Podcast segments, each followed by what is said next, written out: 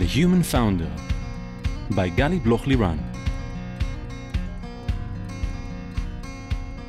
Hi, I'm Gali Bloch Liran, and welcome to The Human Founder, the podcast where we speak about the mental aspects of the entrepreneurial journey. Entrepreneurs and investors often describe the emotional roller coaster that is embedded in being an entrepreneur investor, you experience the lowest of lows and the highest of highs all the time. And it's from that place of uncertainty, the need to constantly self manage ourselves, keep up our energy, and be mentally resilient in order to deal with everything, well, it's not easy. In each episode, I will be talking to entrepreneurs, investors, psychologists, being their sounding board with the goal of creating a space for this less spoken about layer, which is the mental aspect accompanying the entrepreneurial journey. I will also share tips and tricks to help boost your focus, clarity, and mental resilience. Today, I have the pleasure of speaking with Gal Gitter. Hi, Gal, and it's really, really great to have you here with me. Hi, Gali. It's great to be here. Great. You should just take the mic closer to you and you will feel much more comfortable. I want you to feel comfy.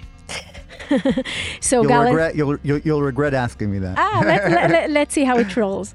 Uh, I'll introduce you for a second. Uh, Gal, you're a partner at IBEX Investors, a US fund with over $1 billion assets under management. You currently lead the firm's growth investment in Israel. Prior to that, you were an associate partner at McKinsey and Company and one of the leaders in its corporate development and partnerships arm. And you're married to Stella and father to Mikey and Nave, which is actually a pre-seed, right? He's a newbie. He was just born two months ago. Just just got funded. Eh, it's like a FFF, right? exactly. It's the Yeah. family part. Yeah.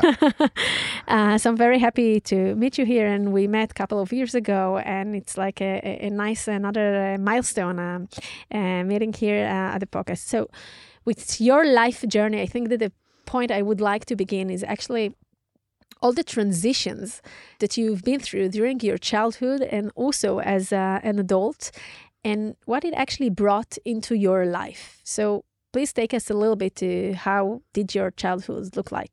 Yeah. So so I I, I think what's what's uh, pretty unique about my upbringing uh, my my upbringing is that every every few years my family and I and you know as a small child we ended up moving from the U.S. to Israel and back, and uh, and and to me that change was was a constant, right? So I was I was used even as a small child to say, hey, you know, we had just moved to New York, and we're going to be here for for a few years, maybe two, maybe three, maybe four, and then we'll come back, and then we'll do it again.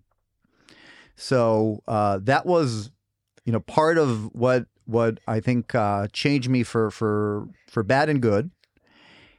One specific thing that I really learned, I think, is how to adapt to change uh, pretty quickly because change was was uh, was a big part of my life. You describe it in a very even romanticized way. How amazing are changes, right? And as much as we all know as grown-ups that the ability to adjust to change is, is, is, is really crucial and it's a very important skill that we all should have as adults and also as children. It's also not easy. Uh, the ability to get to know a new environment, new friends, new cultures, uh, new way of, of uh, new ways of thinking, mindsets, the ability maybe to bring myself out there Right. and to make other people uh, want to be my friends. So take us a little bit a bit deeper. Like what was it for you as a child to feel all those transitions? So, so, so I think as a child, uh, moving and my moves were specifically between Israel and the U.S. So, so I, I, I think that the first thing you you do is is you really want to try to fit in. Uh, right after you made the move, and and um, it's it's uh, it, it becomes crucial for you to understand what what does the culture look like, not just the language, because as a child you pick up language super quickly, right? But what does the culture look like? what is uh, what is considered cool? What is considered uh, um, you know how, how how are you a good kind of friend or student or wh- whatever it is at that age at that year uh, in in that uh, in that location, right? So so I think I was constantly trying to learn about the those those differences. You know, you said uh, trying to fit in, and I'm listening to you, and I'm thinking about the founders, the new founders, right? That they all they want is they try to fit in. They try to fit in with each other, their co-founders. They try to fit in into this ecosystem of innovation and investments, and what does it really mean to be a founder, uh, to be an entrepreneur, and they try to fit in to the investors, right? They try to they, they- they try to create this uh, investor founder fit in order Right. for them to fit in to, to it. And I'm thinking of in this uh, uh, uh, endeavor to fit in, how much do you keep on your true self in it? And how much you make some kind of, uh, you know, uh, uh, a barter or trade offs in order to make the other one loves you. And I'm taking it, you know, uh, one step ahead to founders in your stand and and we'll continue with the you know the journey uh, in a second but like in your stand as as a as a an investor how do you see it when founders try too much maybe Right. to fit in Right. I mean, it's a, it's a it's a great point, and especially now, right? It's very very timely because um, investors have been saying, have been telling one story to startups right Mhm. now, and now they've they've changed their story. Some of what the startup and the founder needs to do is adapt to change, but some of it is stay committed to to what they believe the is the right thing to do. Exactly right. To to to so you know maybe the pressure to pivot versus focusing on what you you know the reason you started the company. Mm-hmm. And, and the, the, the, I- I think there's no right or wrong answer, but it's it's it's about being open to the environment from the outside while staying true to to yourself, your personal or the professional version of of you, right? Because the the investors invested in you. I, I can tell you when we talk, talk about a company, when we talk to a company, when you you you, always want to have that balance, right? You you see some Yeah. some CEOs who when you ask them, well, you know, hey, uh, did you think about this? Or what is your perspective on that? Or we recently met a company that did A, B, and C. What is your perspective? Is that some CEOs, on the one hand, are very, very, you know, sticking to their guns. So whatever you say will not move them even an, an inch. So you don't want that. Mhm. And then some CEOs, right? If you in the first meeting with a company, you know, give three ideas and CEO is, wow, I, I hadn't thought of that, or, or wow, that's great. You know, we'll explore that, we'll explore that. You know, you kind of feel that he's either, he or she is either kind of pandering to you Mhm. or will, you know, flow like a, like a leaf in the wind, right? So there, there's no, the, the balance here is really important. And, and I think for, for nearly all investors, they, they, they'd want to see that balance. definitely and how do you as an investor encourage your founders um, uh, to to show this balance and to be committed to be to this balance because no side is right like i don't want to be too much fixated and i don't want to be like changing my mind every second Right. but i do want to have this flexibility Right. this agility and the elastic mind to be able to change with the wind, with the flow, to see what comes in the reality, and not to have those fixations that if I've decided this, this is what I should stick to it. But then again, not to, not to be too. Uh, uh, uh, uh, I'm not sure what is the right word. Like not to be too uh, much uh, responding to those pressures that comes from outside all the time because at the end you do need to have a solid stand and to how you react Right, right, right. I mean, so um, I'm I'm in in these types of conversations. You know, I tend to be, and we, we talked about this. I'm, I'm you know from a consulting background, so mm-hmm. so pretty structured in those conversations. Mm-hmm. And the way I think about it is is let's agree on the mountain we want to get to, and that typically you you can get to that agreement. And then after you get to, to you you agree, okay, we want we want to go after that mountain and not this mountain.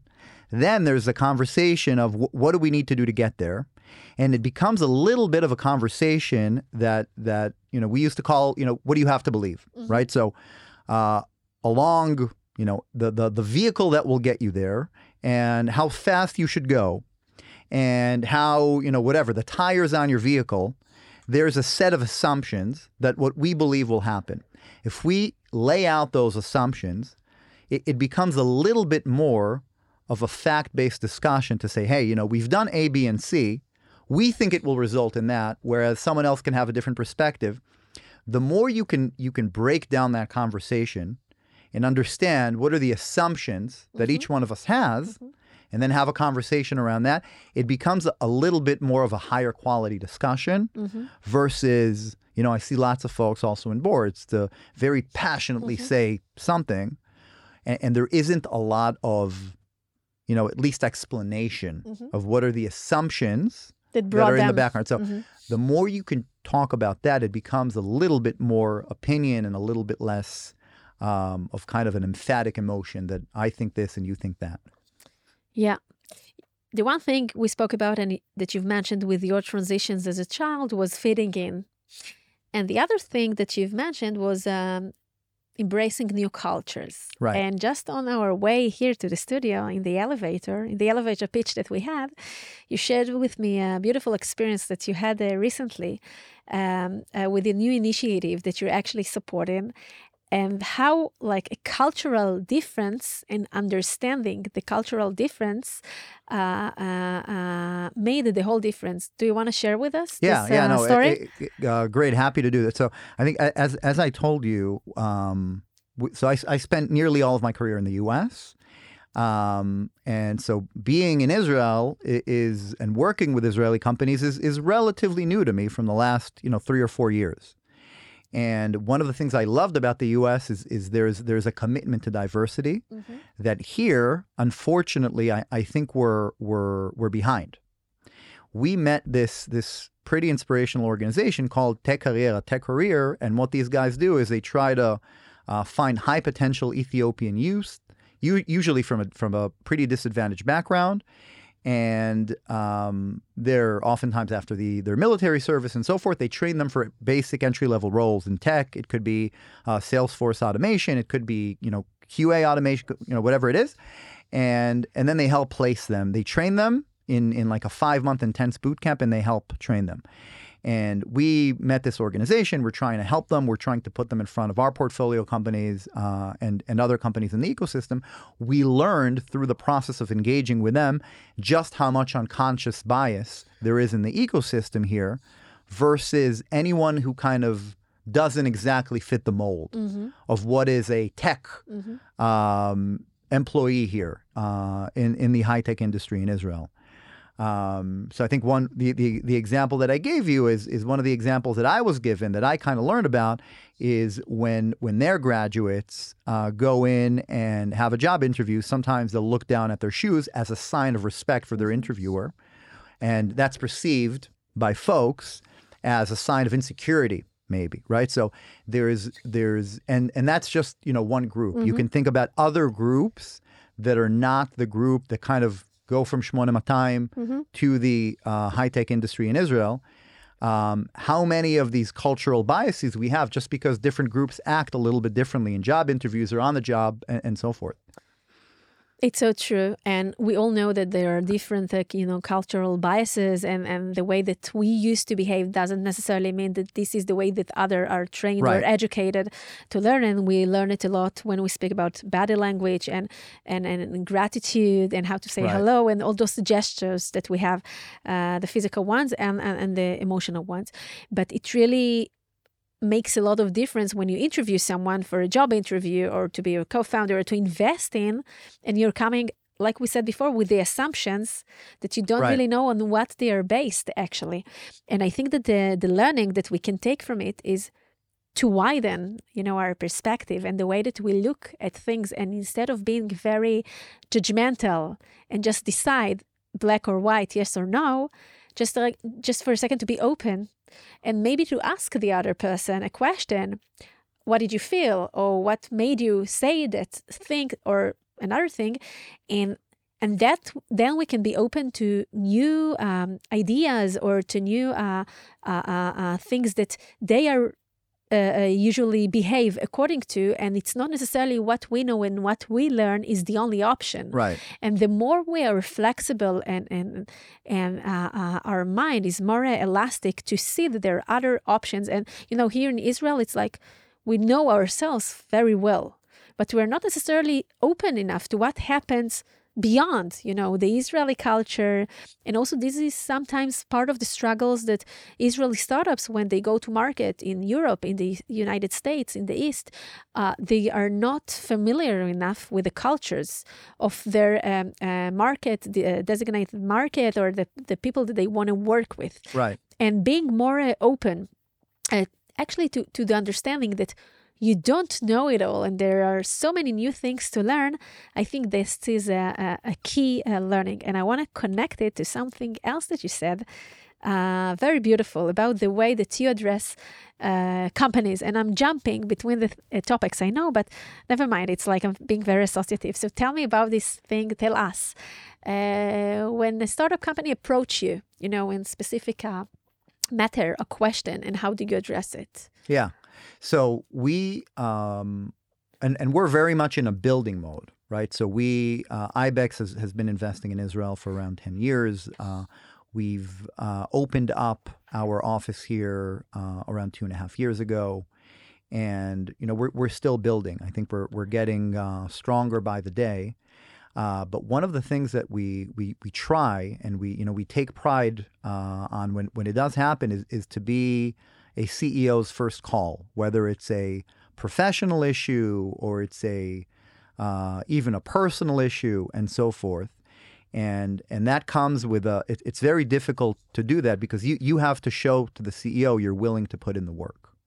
So I think whether it's it's a it's a question on hey there's there's an employee I'm not sure if they're working out should I keep him or should I not or what should be my pricing strategy or what portion of my marketing dollars should I pe- put on lead generation versus on brand. mm-hmm.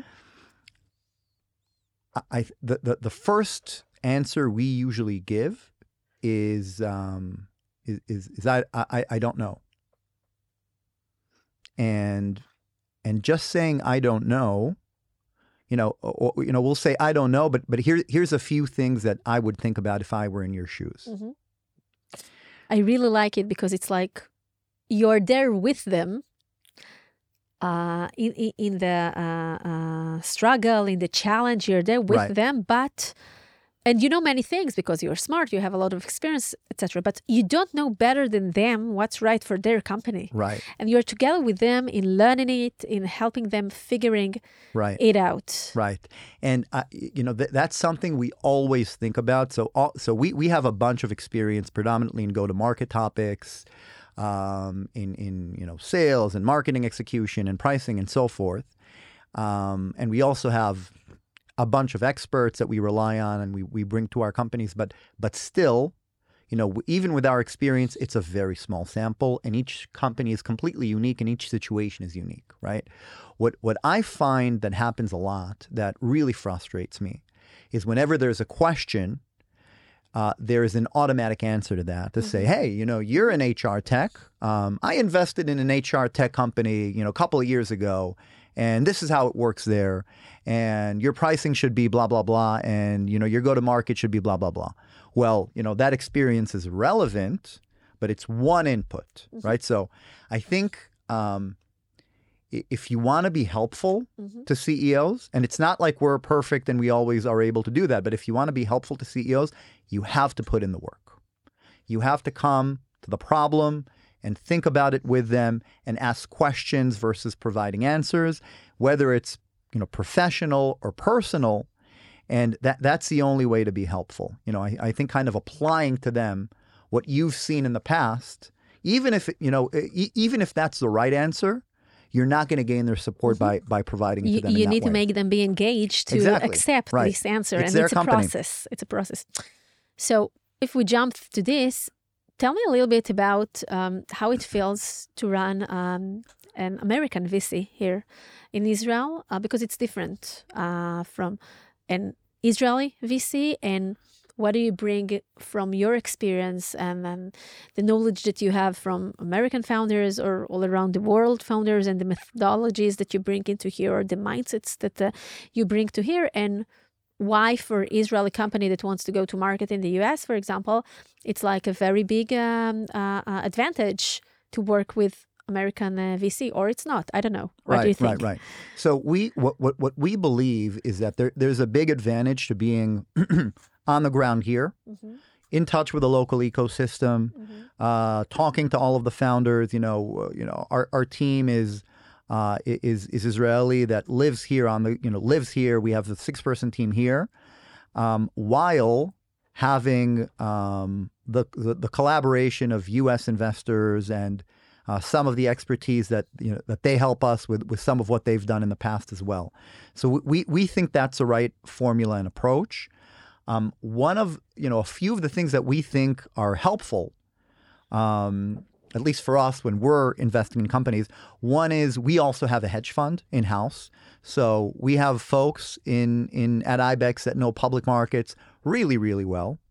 Uh, if it is um, So it's So- like the founders that work with you have access to everything that happens in the yeah company, in the holding company. Exactly. So it could be, you know, hey, uh, if we were public, or if our path to being public is in, you know, 36 months, what should we be striving for? What would we be? How would we be looked at? Do you think from our profile? You know, A, B is, you know, what are multiples looking like in the public markets, and what are public market investors looking for, and or C, what are trends of some of our competitors that we invest in at as public companies, right? So uh, we we have that angle.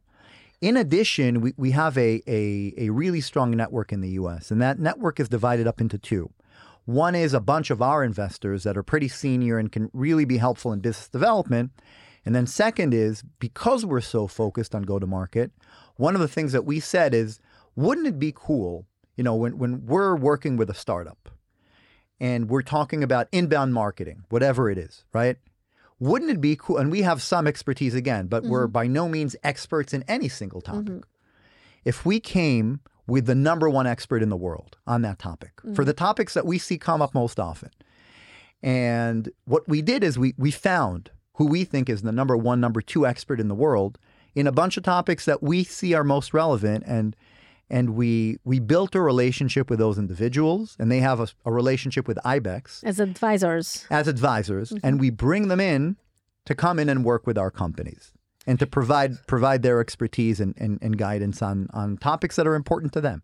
So a question that comes to my mind is on the one hand, it's amazing and you have so much knowledge within you and and you also have like different stages of investments from very early stage to Right. growth later on to hedge funds, etc. And that's a big plus. On the other hand, maybe, I don't know, tell me what you think, as a startup that is engaging with a VC uh, of this type. So the knowledge and maybe the filter of or the glasses that you're looking from are so advanced that sometimes um, it can be also difficult for companies uh, uh, to succeed, uh, to actually engage because of you see so many steps ahead. And, and you're maybe um, examining them from so many angles to will it arrive to our hedge fund or not? What do you think about it? Yeah, I mean, so so I I, think um, we try to bring in those perspectives, uh, but for the most part, we're, we're operating in in essentially three universes. Um, one is um, early stage uh, that we have a team here that focuses on seed, pre-seed, you know, some early A's and they have one set of metrics they're looking for. Uh, their investment process is very different than mine. You know, we collaborate all the time, but they, they have a different set of metrics they're looking at. And then uh, my focus is kind of five to thirty million dollar check sizes, A rounds, B rounds, C rounds. And you know, I have a team, you know, and we're focused on a specific set of metrics and what we're looking at. And then our uh, colleagues in the hedge fund, they also have a, a separate set of metrics. So it, it's it's It's like divided in a smart way exactly. that is You like know, it's- checks and balances. it, it- it's uh we, we try to leverage each other's relationships and expertise, but but it's a different process for each of us. I, I like it. Leverage each other uh, experience and expertise. Tell me, Gal, from your experience and what's going on now in the current market situation, many startups are also trying to create uh, M&A opportunities Right. now because it's difficult to raise funds and um, maybe there is an opportunity now to sell the company. What is your standing as a as an investor? I mean, companies that you're invested in, which usually we want them to scale and to bring more ROI through the years. But on the other hand, maybe there's also a good opportunity now to sell, and we do want to go for it. Right. So, what would you say about it? Right. So, uh, so t- 2023, um, and likely also 2024, uh, we're going to see a lot of M and A, uh, and the and and I think a lot of different types of M and A, mostly strategic, but also some financial and uh, some kind of uh, you know significant M and A stories, and some are you know M and A of last resort, call it for for, for Mhm. pretty low uh, deal values. Mhm. Um, I, I, so you know, if we think about our companies and companies, we look. It's a case by case basis.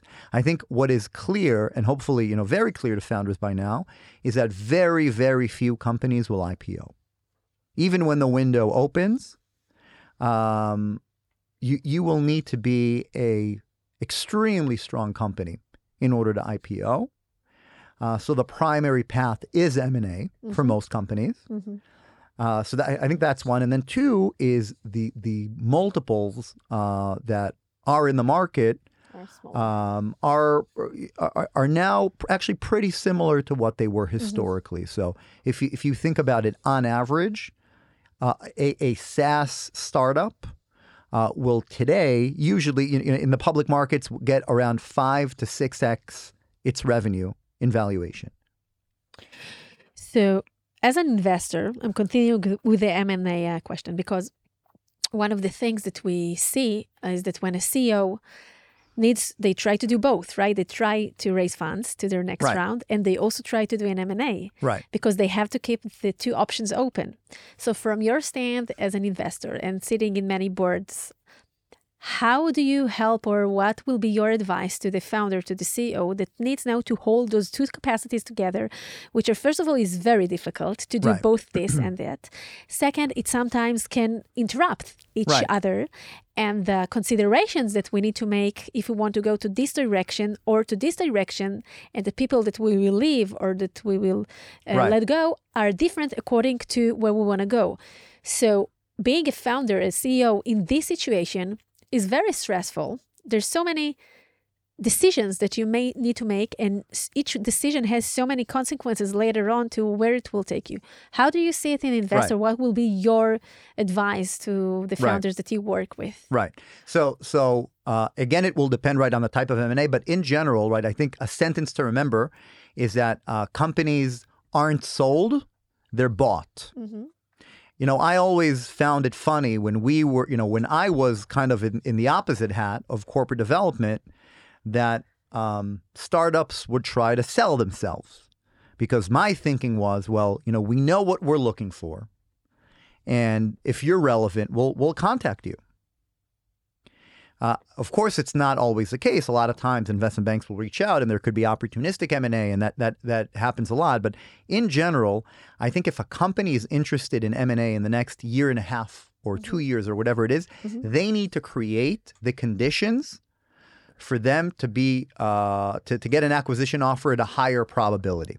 So, what are those conditions? Right. One is their product needs to be relevant to as much of a as much of their buyer set as possible right? So think about the investment in r&d versus product and so forth and what are the criteria that their potential buyers are looking for on the technical side right? Second is their potential acquirers need to know about them and then third is there usually needs to already be a meaningful relationship, either commercial or technical, with a potential acquirer, either via a channel or a product partnership or, or whatever it is, right? So uh, doing that creates the conditions in which the company has a higher probability to be bought.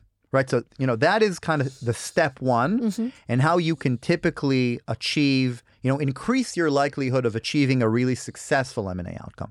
Now, if you're talking about the less successful M&A outcome, if you're saying, look, you know, uh, and a, a bunch of startups, and it's not a, a bunch of startups will be in this position. Look, you know, we uh, didn't materialize how we wanted. We don't have a ton of uh, capital left. Uh, we're not sure we're going to be able to raise the round we're hoping for. We we think there's a lot of value in what we've achieved, technology, you know, whatever it is. We want to sell. Then that's that's a, a little bit of a separate process, and and you can think of running that process either via an investment bank or doing it on your own. Um, when when when that process arises, what we would recommend to a company is focus just on that process of selling a company, because that that you know that then becomes a full time job for the CEO or almost a full time job for that CEO and do it as professionally as you can and be realistic with what you want to achieve because you, you, you usually don't achieve a high valuation when, when that is the situation. But maybe the one of the challenges that occur in this second situation that you've just described is that on the one hand, as the CEO, I want to try and sell the company and make the best process that I can in order to make it happen. But Right. In the same time, I need to try to maximize the results and bring more deals and leverage the business Right. and, and and create more uh, uh, you know users it's all the metrics that we can use and as a ceo who leads those two things especially in the early stages it's very difficult to hold these two capacities Right. Right. so, and, so and that's what why would you be your advice Right. And that's why you can't add a third ball, which is fundraising. yes Right. So the, the, the CEO has to continue running the business and has to be active in the M&A process. And hopefully uh, the business you know continues to do well or as well as it can. Now starting to also talk to investors is problematic from two angles, right? One is is you're not going to have time to do it professionally unless maybe it's someone that already knows you really well. And then second, any investor that's going to come into that situation is going to want a uh, a preference probably because it's not worth their time to invest in your company, and that is you know it's sold for a little bit above the price, right? That They're going to want to make a multiple on what they just invested in, and that's going to to to change the liquidation preferences of the company. If it's not a good M and A, then that will that will entail that your you know maybe the common shares or even some of your early investors do not get paid out in the acquisition. So that's problematic, right? So I think once they've cut burn, exhausted what they can get from debt, uh, exhausted what they can get from their cap table, hopefully the company now has call it 10 to 12 months of um, runway of runway, right? And they can run a professional process and, M&A, and, and hopefully M&A. get, and, Yes. and hopefully get an offer if that's the direction they're going in versus fundraising. So it's it's a it's a it's a board decision at the end of the day. and and and mentally wise it's a very complex uh, place to be in because you need to make a decision you need to choose to make a choice in uncertainty you don't know what will be you don't know how the market will change will react also with, between your investors some may think that this is the right direction to go and others may Right. think that this is the right, Right. direction to go and also you have it uh, at home let's say Right. uh, the uh, uh, two that mommy and daddy they don't think the Right. same right Right. and then you also have another conflict that you need to manage as as a founder as a ceo and this brings a lot of stress Right.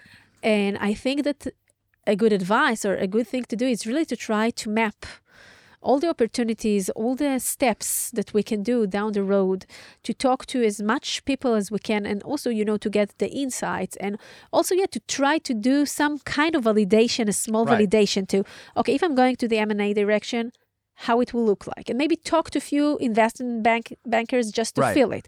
And if I want now to go and raise funds, to go and talk to some investors that I'm already in relationship with, and to see what is the status, what they are willing to do or not, to get some kind of validation. And of course, always try to bring more sales because Right. the business has to uh, keep on running. And then at a certain point, we need to make a decision. Right. And decision has prices. Right. And all we want to do is hope that we'll make the best decision based on as much, you know, validation, data, processes Right. that were prior to it. But it's not necessarily the situation. And in those moments, founders deal with a lot of stress and, and really with not really knowing because there's no right answer that you can anticipate in advance. And I think that the investors has a lot of um, ha- important place in this situation, really to support and really to be listening and really to do as much as they can both to try to guide the founders and also try to, you know, to bring the network, the connections to help them in this direction or Right. another. Right. So, so I, I- would say, and just I, I think this is important. So, what I would highlight is for most companies, the right answer would be, you know, cut your burn. You know, figure out where to cut. Try to get uh, as well capitalized as you can from your current cap table and from debt, and then continue running the business as well as you can based on the mountain you want to go to. In the meanwhile, you want to not create a process for M&A, but create the conditions around your company Correct. that can lead to as attractive of an outcome whenever that may come. So that usually lends itself to a much stronger result than if you're actively trying to sell your company, especially at a time like this. Yeah. I want to take you back. Uh, you finished your uh, master's uh, in the US and you went to work for McKinsey.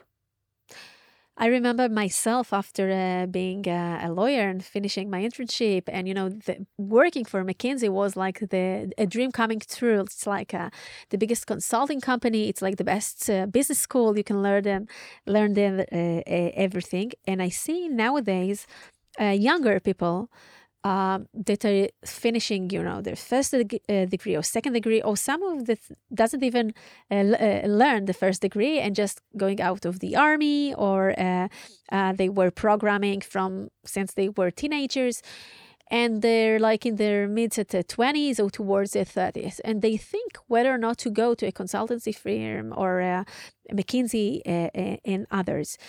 And like, I want to ask you, what were the main uh, takings uh, that you took from your journey there? And I know that it uh, was divided into two parts, so you'll share about it in a second.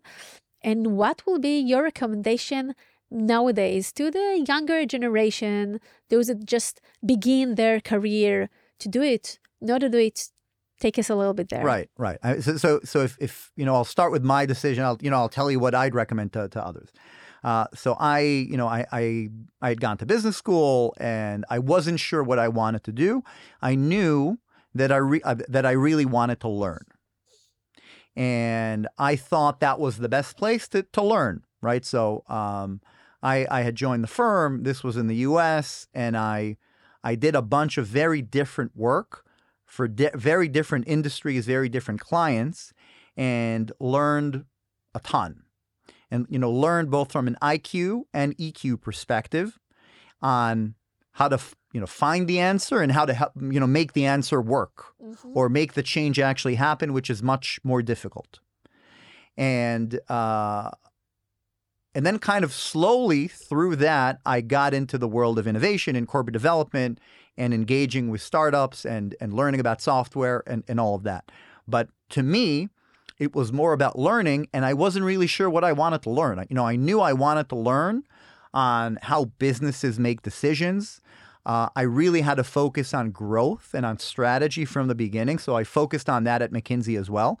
But I wasn't sure, you know, in, in what.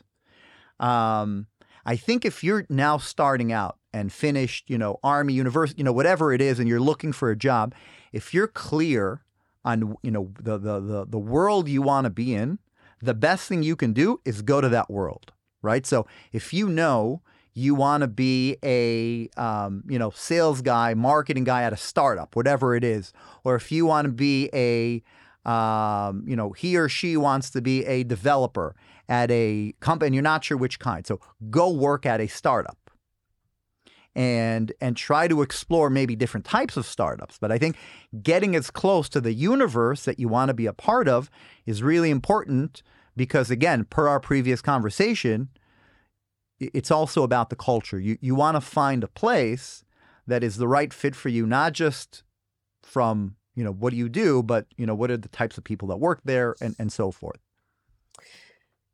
So I really like the recommendation that if if you love something, just try and explore this vertical, this universe, this industry, depends how you call it. Having said that, there's also an, a big advantage in, you know, having a wider perspective Right. and getting to know various kind of businesses, various kind of cultures.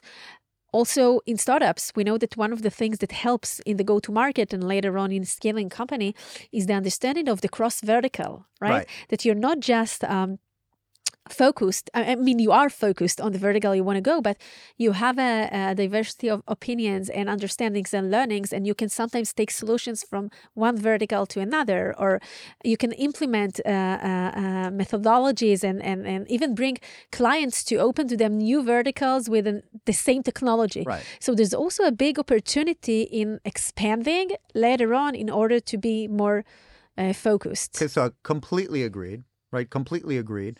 I, I think that's why I love being a generalist. Mhm. Right, because what what, you what what you find, right? So I I don't I don't I don't know any one thing really really well, right? I I don't know any industry really really well. I don't know any function really well. Um, but I feel that I've done enough in a bunch of different, you know, call it startups or even large companies before that I can I can have some pattern rec- Mhm. recognition and sometimes that could be helpful applying insights across different types, right? So Tell me, I, I really liked it that you said that you love uh, being a generalist. Do you sometimes feel this, you know, imposter syndrome that I don't know enough, or Yeah. um, like, uh, okay, I know many things, but there isn't actually one thing that I know so well. And if they will ask me specifically on this specific topic that I'm not really uh, well, uh, you know, uh, uh, informed with, so what happens to you there in Right. your mind? Right. So all generalists, I think, have imposter syndrome, right? Because the easiest thing is to be uh, an expert in in one thing, and then you're very comfortable in that one thing, and you may be doing a good job or a bad job, but you you always feel that technically, you know, you know that one thing. Uh, whereas what what generalists bring to the table is they bring a lot of a lot of skills that are softer. And they could be technical skills and they're still they're, they're still going to be softer, right? They, they they could be how a certain infrastructure can work well even for someone who's technical in these types of software players even though you haven't been in that, you know, specific subvertical. So it's not going to be something you can generally characterize, but that pattern recognition kind of lives in your head. I really like it. And I want to take it also from another angle or perspective. Um, I find that um, each and everyone is different, and we can all find the things, uh, the hobbies, the things that we like to do that help us get to know ourselves better and also increase and improve our performance. And, and we spoke about it earlier, and I, I like to I like you to share about it. How I'm photographing how uh, like the fact that you take the camera now and uh, uh, growing this uh, hobby uh, within you actually helps you in creating a wider perspective on things Yeah. No, it, it's interesting because I've I've I've I I've done photography for a while, and I you know don't don't do it as much as I should right now because I'm I'm so busy, and I should be doing it more. But I think what's that changed in me is the process of looking. So when when I'll walk through the street with a camera, I'll see the street differently. I'll look for certain patterns that I think are interesting, or I'll look for certain colors or or certain you know whatever it is, and I I will literally see things that I did not see before. I think if you apply that, you know, to investing and to working with companies, it, it's coming with a certain lens, right? Mhm, You're mhm. you're looking yeah definitely for something in a different way. yeah and you can call it a lens you can call it the filters that you're choosing you know to see uh, the reality uh, from within but i think that the more we are experienced on the one hand the more we are mature which also sometimes come with the age and the more we're open to what we just say in the beginning that i don't know i don't know let's figure it out together i'm willing to bring myself as i am um, vulnerable that I don't necessarily have the answer, but I will be there with you and we'll try to figure it out together. So putting this length, this filter, really engage others to be with you and also um, help them grow. You know, you don't give them the answer, you help them together to find it out. And I think that the fact that uh, you're as an investor and and each and every one, the more um, different perspective they will have in life, uh, it can be in uh, fatherhood, it can be in hobbies, it can be in sports. really improves our performance, really improves our ability to shine, to lead in our uh, business uh, arena. So, another question that I want to ask you maybe it's not a question, just um, sharing. You recently had a baby, like uh, his Nave is like two months old. Maybe when we'll uh, when it will be uh, out the episode, it will be already four months old, but it's still very very young. And many of the startups and the founders I work with, fathers, mothers, it doesn't matter now, they are, you know, these ages. We know that the average in the US, the successful startups are in the average uh, age of uh, 45. But in Israel, for example, the successful ones, in, in Israel, we see many, many founders begin somewhere in 25, 30, early 30. And this is also the age when we're building sometimes the family and those years of building together the family and building the startups. It's very, very difficult to do it together. And there are a lot of prices that we pay both at home and both at work because we're simply tired, because we're not sleeping enough. It's very complex to hold it. So maybe share your, uh, uh, you know, perspective as an investor, because also as an investor, it's not easy to hold this position and you do it and, and it's important for you and you do want to be in those two places so how do you juggle this Yeah, yeah. So, so um, I think first for me, you know, I'm, I'm very uh, fortunate that that uh, my my wife is is doing just such an incredible job uh, with both. She'll be our- happy now. I hope so, right? Uh, so that's very helpful for me. I'm I'm pretty involved, but it would be much more difficult for me if it wouldn't be for for her. So so big thank you to her.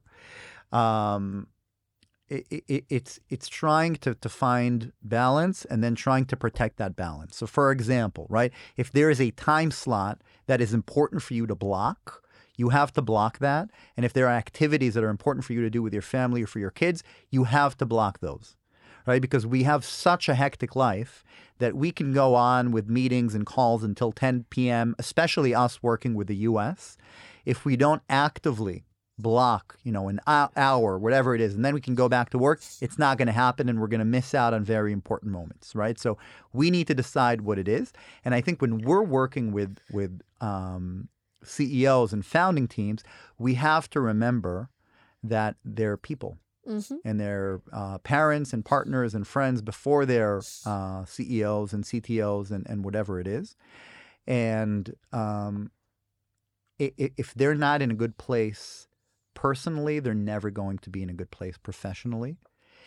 Um, and we often see just just one side of you know one side of them. Uh, it, it, it's it's so difficult. These years, as you said, are so difficult without the personal. So if you add the personal, they become um, extraordinarily you know difficult and busy. What what we've done is, is we um, and we really believe in the in the mental health aspect of that. We've created a program that we provide free mental health to our um, our uh, our founders and, and co-founders uh, via psychological sessions that they can access that we've already prepaid for, uh, up to kind of a certain limit, and you know they can use them, and we encourage them to use them. But of course, it's a personal decision. Um, But I do want to challenge you because I totally agree. And this is what I do, and this is Right. why I do it because I really believe in it. But there are many investors, and I'm sure you're familiar with them or with the, the genre. Uh, that it's you know it's easy to say, but sometimes it's difficult really to uh, to behave that Yeah. way. And sometimes, yes, you'll find yourself as an investor, not necessarily you, but another investor calling his founder at 11 p.m. Uh, demanding or not demanding, but saying very assertively, listen, I need to see those metrics for tomorrow morning. Oh, in order to bring this co investment, we need to do this and this and this. And as much as they want to be patient and, and really uh, uh, vulnerable to what the other side needs and, and the personal needs of the founders, sometimes they are also very stressing them and they're very pushing. So how do you think? Uh, and and I can also understand that, yeah, because uh, there are business results that needs to be done, etc. So how do you think is the right way uh, to balance it, and even among the investors to maybe or remember a little bit how it was for them when they were younger and younger fathers or mothers, or even if they're not, to really be able to put this lens Mhm. that we spoke about earlier and to understand that in the there are other needs and there are other needs that needs to be provided in order for the founder to really fulfill his uh, vision to uh, perform in the best possible way within the company Right. So ve- it's very difficult, and I'm and I'm sure that we've done that in the past as well. I think the the what is critical is for the CEO to you know he or she needs to know what's what's non-negotiable to them right so for example you know their their kid's birthday or uh, a certain time of day that is really important for them to protect and they they need to communicate because oftentimes right from our perspective we're going to say hey we just made this one request and you know it's urgent for tomorrow but they may have 15 other things that they need to do Mhm. or other requests from other investors and so forth, right? So it's important that the CEOs feel confident enough in their relationship with their investors to say, you know, hey, look, um, we're going to provide that. We're going to have that discussion, but it's going to be very difficult for me to do it today because of something personal. And, you know, we're going to do it the following day.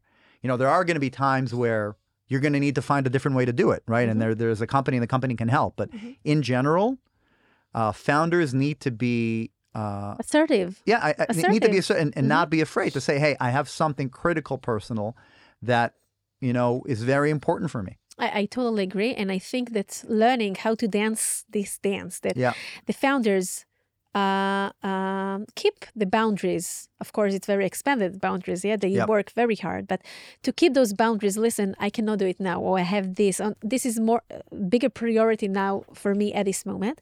But also, on the other hand, the, the investor will know that he respects or she respects it because in other times the founders is really the founder is really all in. Right. So I think that understanding this um, uh, tension between them, which is a, a positive tension, we respect each other, we learn the boundaries, and the most important thing, like you said, is communicating about that, not trying to, not uh, telling ourselves the stories or the interpretations Right. or the assumptions that we spoke about in the beginning.